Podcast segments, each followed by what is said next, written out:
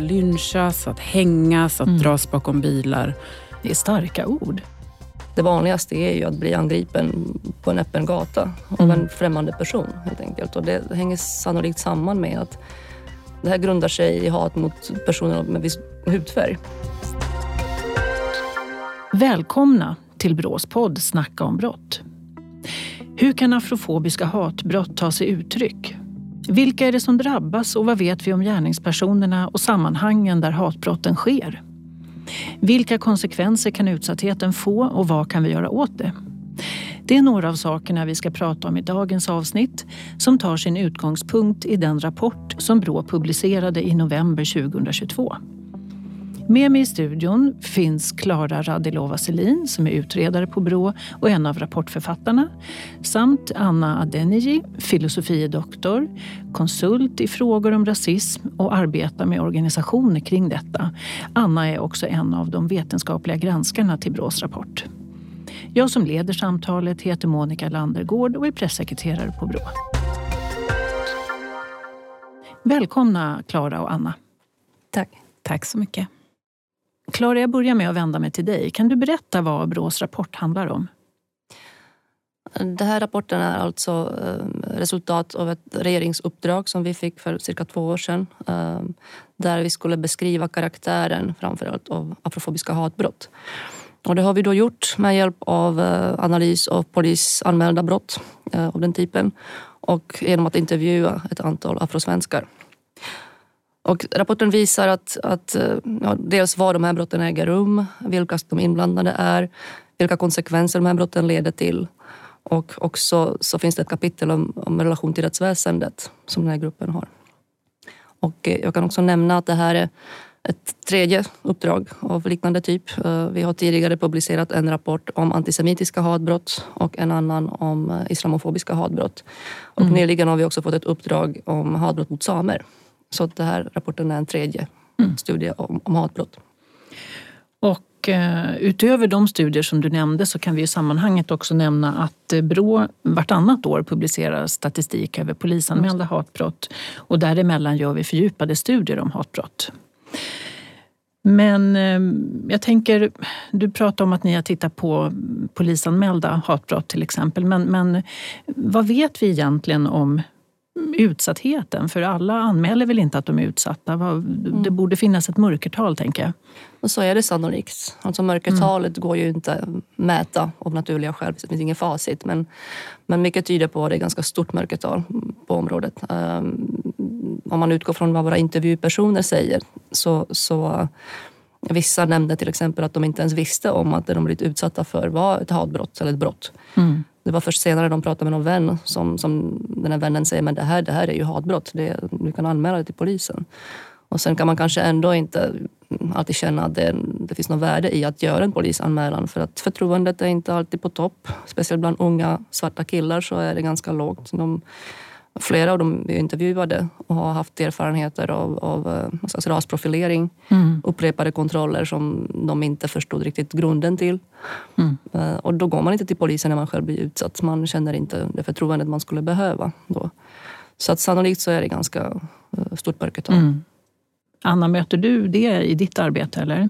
Ja, alltså jag som jobbar med organisationer och väldigt ofta kommer in i frågor som handlar om diskriminering och eh, kränkande särbehandling, det ligger ju inte under brottsbalken utan det är ju diskrimineringslagen och mm. arbetsmiljölagen. Men när jag tittar på det här materialet så ser jag att det finns en, det finns en väldig glidning eh, och både okunskap av personer som blir utsatta, vad som faktiskt är brott och vad man ska gå till polisen med. Och saker som händer som man kanske tolkar man tolkar det inte som brott helt enkelt. Mm. Så jag skulle tro att många av de saker som händer, det kanske tas upp på arbetsplatser med chefer, det tas till HR, mm. eh, för det också ryms inom ramen för till exempel kränkande särbehandling. Mm. Och då når det ju inte Brås statistik. Nej.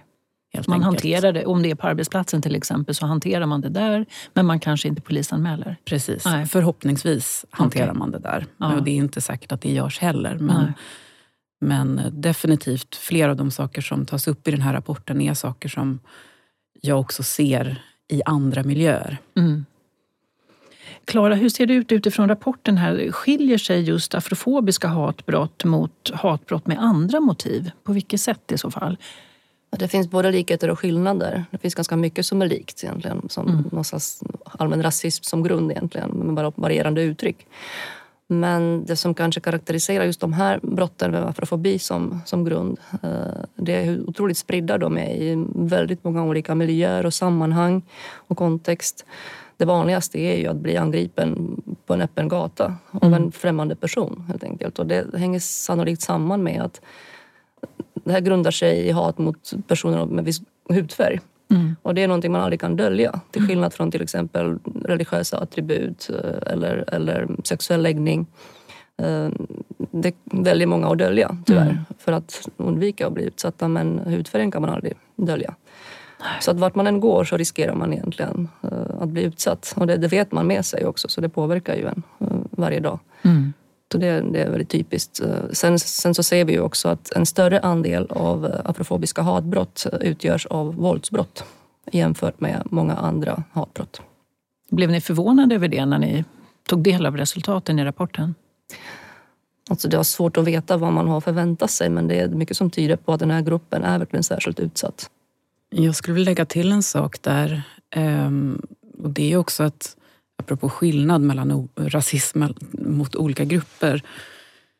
Eh, att vad gäller afrofobi och, eller antisvart rasism som man ibland också säger så eh, finns det en väldigt stark avhumanisering. Det ser man ju bland andra grupper som blir utsatta för rasism också. Men vad gäller just idén om personer från, från Afrika eh, så är det ofta tillmälen där man jämförs med djur eller smuts och mm. den typen av kränkningar. Mm. Eh, vilket också möjliggör våld på ett annat sätt. Alltså avhumaniseringen i sig möjliggör högre grad av våld för att man tänker att det inte är riktigt är människor man har att göra med.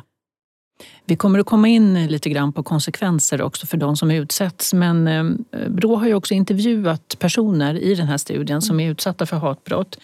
Och några av dem beskriver det så här. Ja, jag skulle jobba natt. Det var höst, runt fyra tiden. Då var det en påverkad person och han följde efter mig, alltså säkert i tio minuter och bara skrek n-ordet efter mig och en massa andra äckliga saker. Man ville ha tillbaka lynchning och då skulle jag lynchas. Dras bakom bilar. Hängas. Man visste var jag bodde. Och det satt såna här SD-klisterlappar på min dörr. Ganska starka eh, berättelser, men vad säger du om det Klara? Är det här ett eh, vanligt tillvägagångssätt det de berättar om när det gäller afrofobiska hatbrott? Kan du berätta något mer om hur utsattheten kan se ut?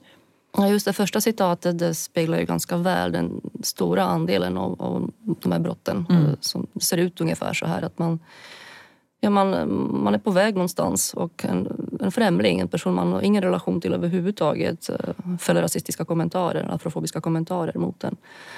Eh, liknande verbala, framförallt verbala påhopp eh, i form av både ärekränkning, ofredande eller ibland till och med olaga hot mm. utgör ungefär 6 av 10 av de polisanmälda brotten med mm. afrofobiskt motiv.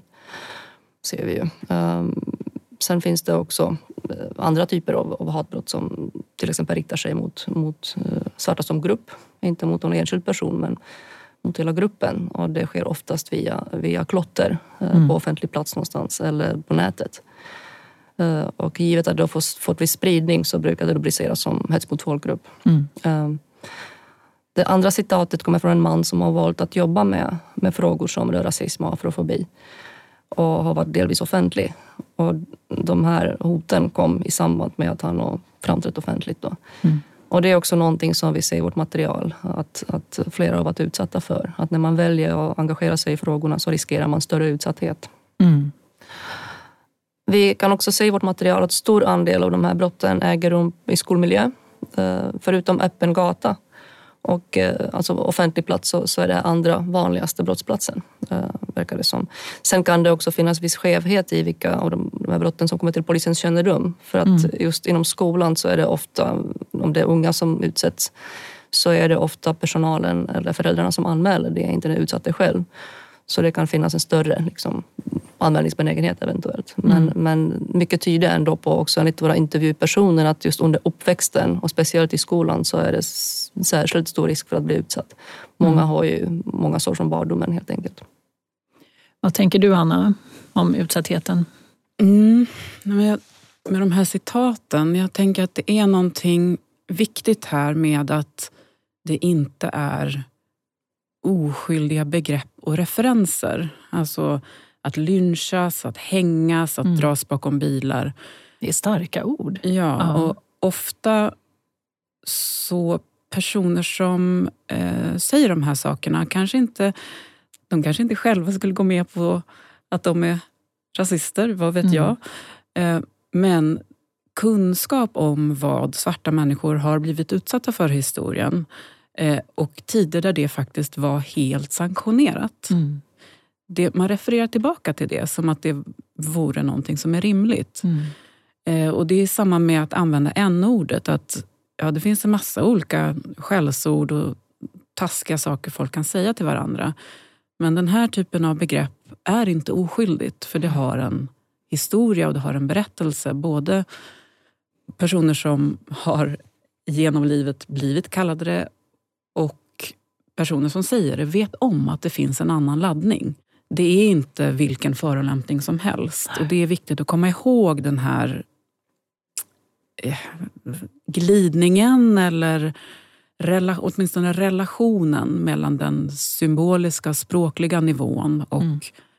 det faktiska hotet mot den, den egna kroppen mm. eh, som, som vi ser här. Vi kommer ju in lite grann på gärningspersonerna då. Vad, vad vet vi om dem, Klara? Där vet vi inte tillräckligt skulle jag vilja säga. Det är ju det materialet vi har utgått från, alltså polisanmälningar och intervjuer. I och med att det är så stor andel brott där personen är främling, fullkomlig främling för, för den utsatte. Så på sin höjd så, så framgår det kanske kön och ålder hos, hos personen. Många är också helt anonyma som på nätet till exempel. Eller klotter vet man inte riktigt alls vem, vem som ligger bakom. Så att, det har vi bara fragmentarisk bild av. Men där det framkommer några uppgifter så framkommer det att, att um, när det gäller ålder så är det ganska spritt. Det är både unga och äldre.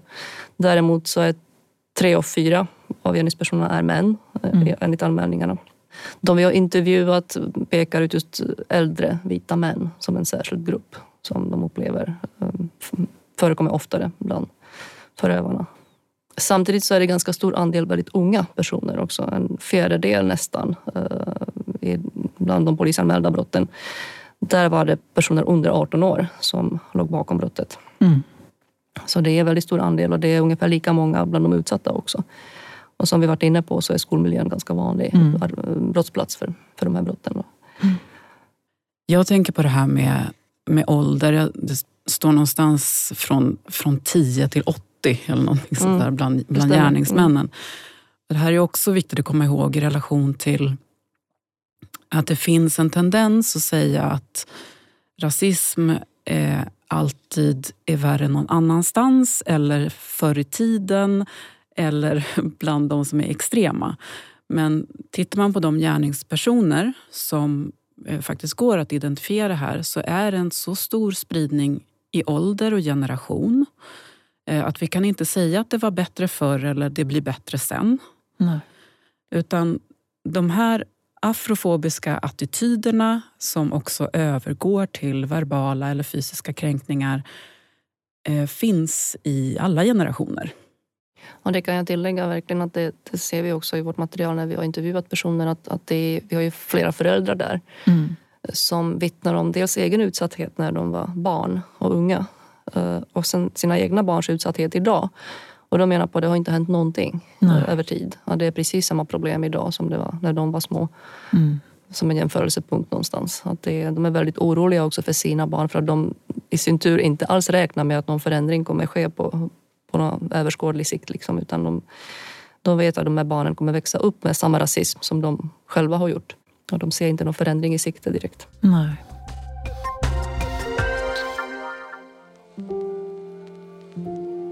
Jag har ju haft min del av psykisk ohälsa och har behövt bearbeta depressioner och ångest som jag tror de flesta som är minoriteter behöver. Liksom. Men kanske inte låtit det få ta plats. Om det får ta plats så blir det liksom en Pandoras ask som öppnas upp och då kommer jättemycket sår och bubblar över. Det händer på gatan att folk säger såna här saker. Det kan hända på bussen. Ja, så man är alltid spänd. Det enda stället jag känner mig avslappnad. Och vissa tycker ju att gå i skogen är avslappnande. För mig är det när jag är hemma. Nu hörde vi citat från två av dem som är intervjuade i rapporten. Klara, vad, vad säger du om det vi nyss hörde? Ja, men det är ju flera utöver de här två som, som vittnar om liknande saker. Att, att utsattheten har påverkat deras hälsa. Framförallt den mentala hälsan men också den fysiska. Vi har haft en intervjuperson som har blivit diagnostiserad med posttraumatiskt stresssyndrom mm. efter att hon under många år som ung framförallt har blivit utsatt för rasistisk mobbning. Mm. Men det finns också den här ständiga beredskapen som många vittnar om som verkligen tär på en psykiskt. Då. Eh, I litteraturen så brukar det benämnas som minoritetsstress kopplat till ja, som sagt, att man ständigt är beredd på att någonting kan hända när man lämnar hemmet. Det är otroligt påfrestande och i längden så kan det leda till större problem med hälsan och sjukskrivningar och depressioner. Mm. Vill du lägga till något där, Anna? Ja, jag tycker de här citaten är väldigt, väldigt bra i att, att beskriva den här ständiga vaksamheten. Och, och, det kan leda till kronisk stress och det är både fysisk och eh, psykisk ohälsa. Men det kan också leda till brist på tillit till omgivningen och till samhället. Och det här påverkar ju också hur man till exempel presterar på jobbet, i skolan. Om man är ständigt vaksam så kan det vara mycket svårare att eh, känna sig som sig själv på jobbet. Att mm. ha tillgång till alla sina resurser, både kreativa och mentala resurser för att man, man går runt och är, är stressad och vaksam. Jag har också träffat flera chefer som de har alltså medarbetare som inte orkar åka till jobbet, inte för vad som händer på jobbet, utan för att de är oroliga för att sätta sig på bussen, eller tunnelbanan eller mm. tåget. Mm. Eh, som därför har bett om att få jobba hemifrån. Mm. Så det, det, är också så här väldigt konkreta effekter som det får, som vi ser på arbetsplatser till exempel. Men det får ju också effekter för barn. Jag tänker mm. om man skulle göra en analys av hemmasittande barn till exempel i relation till utsatthet för rasism eller annan form av minoritetsstress. Det är inte den undersökningen vi talar om här, men jag tror att det skulle kunna vara en, en viktig faktor faktiskt. Undvikande av olika platser är en sån här coping-strategi eh, som mm. man ofta talar om vad gäller minoritetsstress. Eh, att dölja sidor av sig själv, vilket gör att man då inte kan vara social och avslappnad och eh, lära känna sina kollegor till mm. exempel. Men också förstås den här extrema vaksamheten för att man, man vet inte vem gärningspersonen är. Eh, platserna, man vet inte när det ska hända. Så man måste alltid eh, ha en viss anspänning i kroppen för mm. att kunna vara, vara beredd. Det låter väldigt utmattande för den som liksom är utsatt för det. Mm.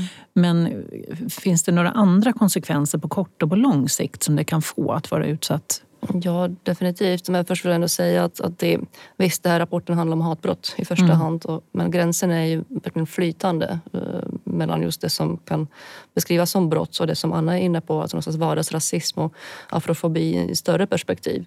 Som också flera av dem vi har pratat med mm, lyfter som det stora problemet egentligen. Eh, för att det finns ständigt närvarande och det tär på dem väldigt mycket. Så att brotten är ju en slags toppen av en isberg det är de mest extrema uttrycken för, för det här problemet. Men det finns ju även annat som också behöver belysas helt enkelt. Men det får bli en annan rapport helt enkelt. Mm. Mm. Ehm, det jag också tänker på att det här citatet som vi hade från den mannen som blev hotad till följd av att han trädde fram offentligt som jobbade mot afrofobi och rasism. Fick hot mot sig. Att det i förlängning blir en, ett hot mot demokrati helt enkelt. Att personer mm. inte vågar engagera sig offentligt i de här frågorna. Så, och blir kanske inte representerade heller politiskt inte minst. Av rädsla för, att, ja, för vad det kan leda till. Mm. Jag vill verkligen förtydliga här att det är svårt att dra gränserna mellan vad som är vardagsrasism. Och när vi säger vardagsrasism så är det inte att det är liksom så vardagligt att man inte tänker på det utan det handlar om rasism tar sig uttryck i, ofta i ganska små doser men varje dag. Eh, och det som faktiskt är brott. Och här behöver ju både brottsoffer och potentiella brottsoffer men också gärningspersoner och omgivningen bli bättre på att identifiera afrofobiska kränkningar innan det blir ett brott. Och det leder oss ju över till eh, hur kan vi förebygga och förhindra afrofobiska hatbrott? Vad kan vi göra? Görs det tillräckligt och liksom, vad behöver vi göra mer? Ja, det var alltså inte en del av vårt uppdrag att titta på just åtgärder men eh, ändå så har vi förstås berört dem i slutkapitlet och funderat kring hur våra resultat kan bidra till att man, man kan göra någonting åt problemet. Och i diskussionen där så lyfter vi bland annat att det finns ganska mycket kunskap redan om afrofobi. Eh, åtminstone afrofobi, inte kanske om afrofobiska hatbrott. Det är den första studien i Sverige. Men, men afrofobi är ju kartlagt sedan tidigare, afrofobi i Sverige. Och, eh, många som vi pratat med, både privatpersoner men också representanter för olika organisationer uttrycker en frustration över att man inte använder den kunskapen i större utsträckning än man skulle kunna. Ehm, så det finns mer att göra och också de regelverk som finns, liksom både på arbetsplatser och inom skolan, kan faktiskt tillämpas i större utsträckning. Ehm, så mycket görs ju redan. Regeringen har så sent som i somras eh, gått ut med, med åtgärdsprogram mot afrofobi som samtidigt de förslag som finns med där eh, är mer riktade mot rasism i allmänhet, inte mm. kanske afrofobi i synnerhet. Men, men det finns mycket likheter så det, man kan ändå jobba på det sättet. Men, men det är också viktigt att lyfta det som särskiljer just afrofobiska hatbrott. Uh, det är just det hudfärgen det handlar om, att det är så otroligt spritt och, och att um, det är så mycket våld involverat i det. Mm. Men Anna, jag tänker du nämnde att vi behöver agera innan det har blivit ett brott. Och jag tänker att politiska beslut är ju en sak, men vad kan jag som privatperson göra? Ja, innan vi går till privatperson så tänker jag att det finns många andra aktörer mm. eh, än politiker eller polis som tar emot en anmälan. Det är ju också, jag tänker att det finns fackförbund behöver bli duktigare på att förstå att det här är arbetsmiljö frågor också. Mm. Eh, vi behöver förstå att kränkande särbehandling påverkar inte bara individen utan hela, hela miljön. Skolor, rektorer, eh, all personal behöver sätta in åtgärder tidigare och säga till för att personer som blir utsatta inte ska gå runt och tro att alla de som är tysta håller med mm. gärningspersonen. Um, vad kan vi mer tänka oss? Företagshälsovård. Mm. Eh, att även där och, och, inom psykologin och terapin att förstå hur individer påverkas av den här eh, nedbrytande, malande rasismen som finns i, i, i samhället. Så där finns det ju flera olika aktörer som, som kan göra mer. Mm. Man talar ofta om att vi behöver mer kunskap.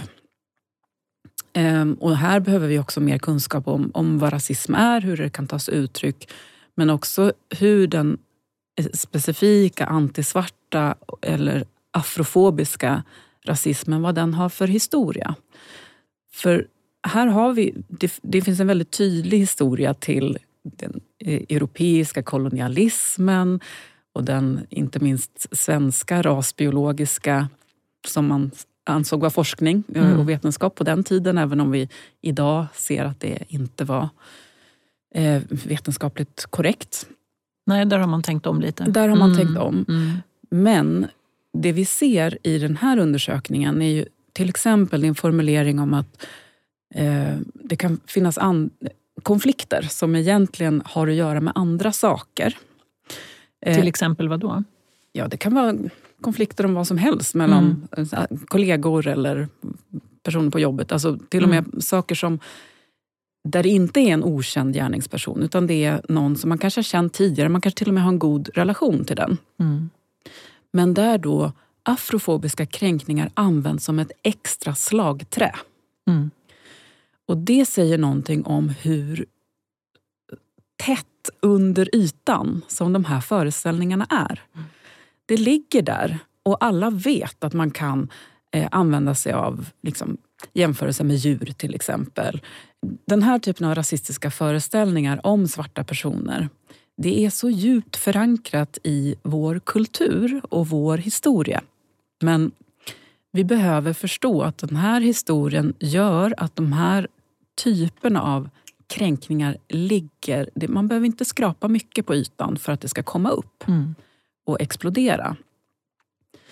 Så den kunskapen behöver finnas och jag tror att om vi tar eh, vita svenskar som, som grupp, inte som individer utan som grupp, behöver acceptera och förstå att det här är en del av den egna historien.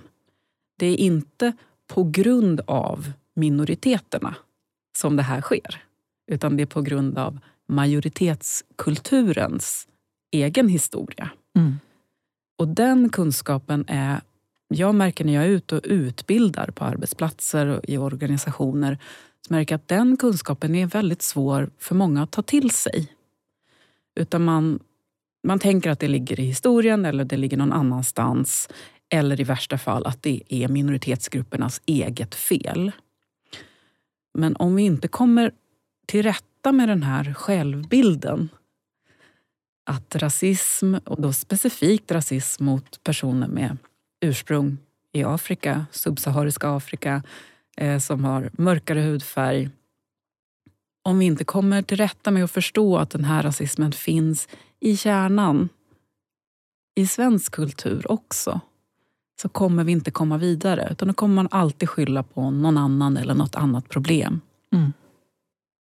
Ja, men tillbaka till den frågan som du ställde tidigare Monica om vad man som privatperson kan göra. Det är ju att säga ifrån tidigt, eh, även om det är någonting som kanske bara framstår som ett, ett skämt, eh, för att det inte ska eskalera. Och här är det också viktigt att komma ihåg, som också lyfts fram i rapporten, att en av de fördomar som just svarta personer blir utsatta för är ju att vara särskilt aggressiva. Mm. Så när en eh, svart person blir utsatt för eh, afrofobiska kränkningar av olika slag och själv säger ifrån så kan det leda till att det eskalerar. Medan om det är någon annan som kommer in eh, och säger ifrån så kan det bli ett bättre stöd eh, i situationen.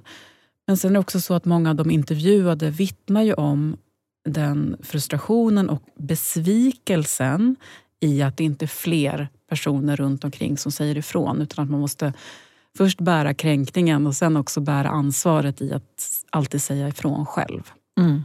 Så här tror jag att många människor kan bli bättre. Ja, det låter som på din beskrivning Anna och på Klaras eh, beskrivningar också att det behövs mycket mer insatser, utbildning på flera plan, kunskap, bra underlag för att förändra det som sker. Och vi hoppas att eh, Brås rapport kan vara en del i det som ett kunskapsunderlag för vidare utveckling av det arbetet.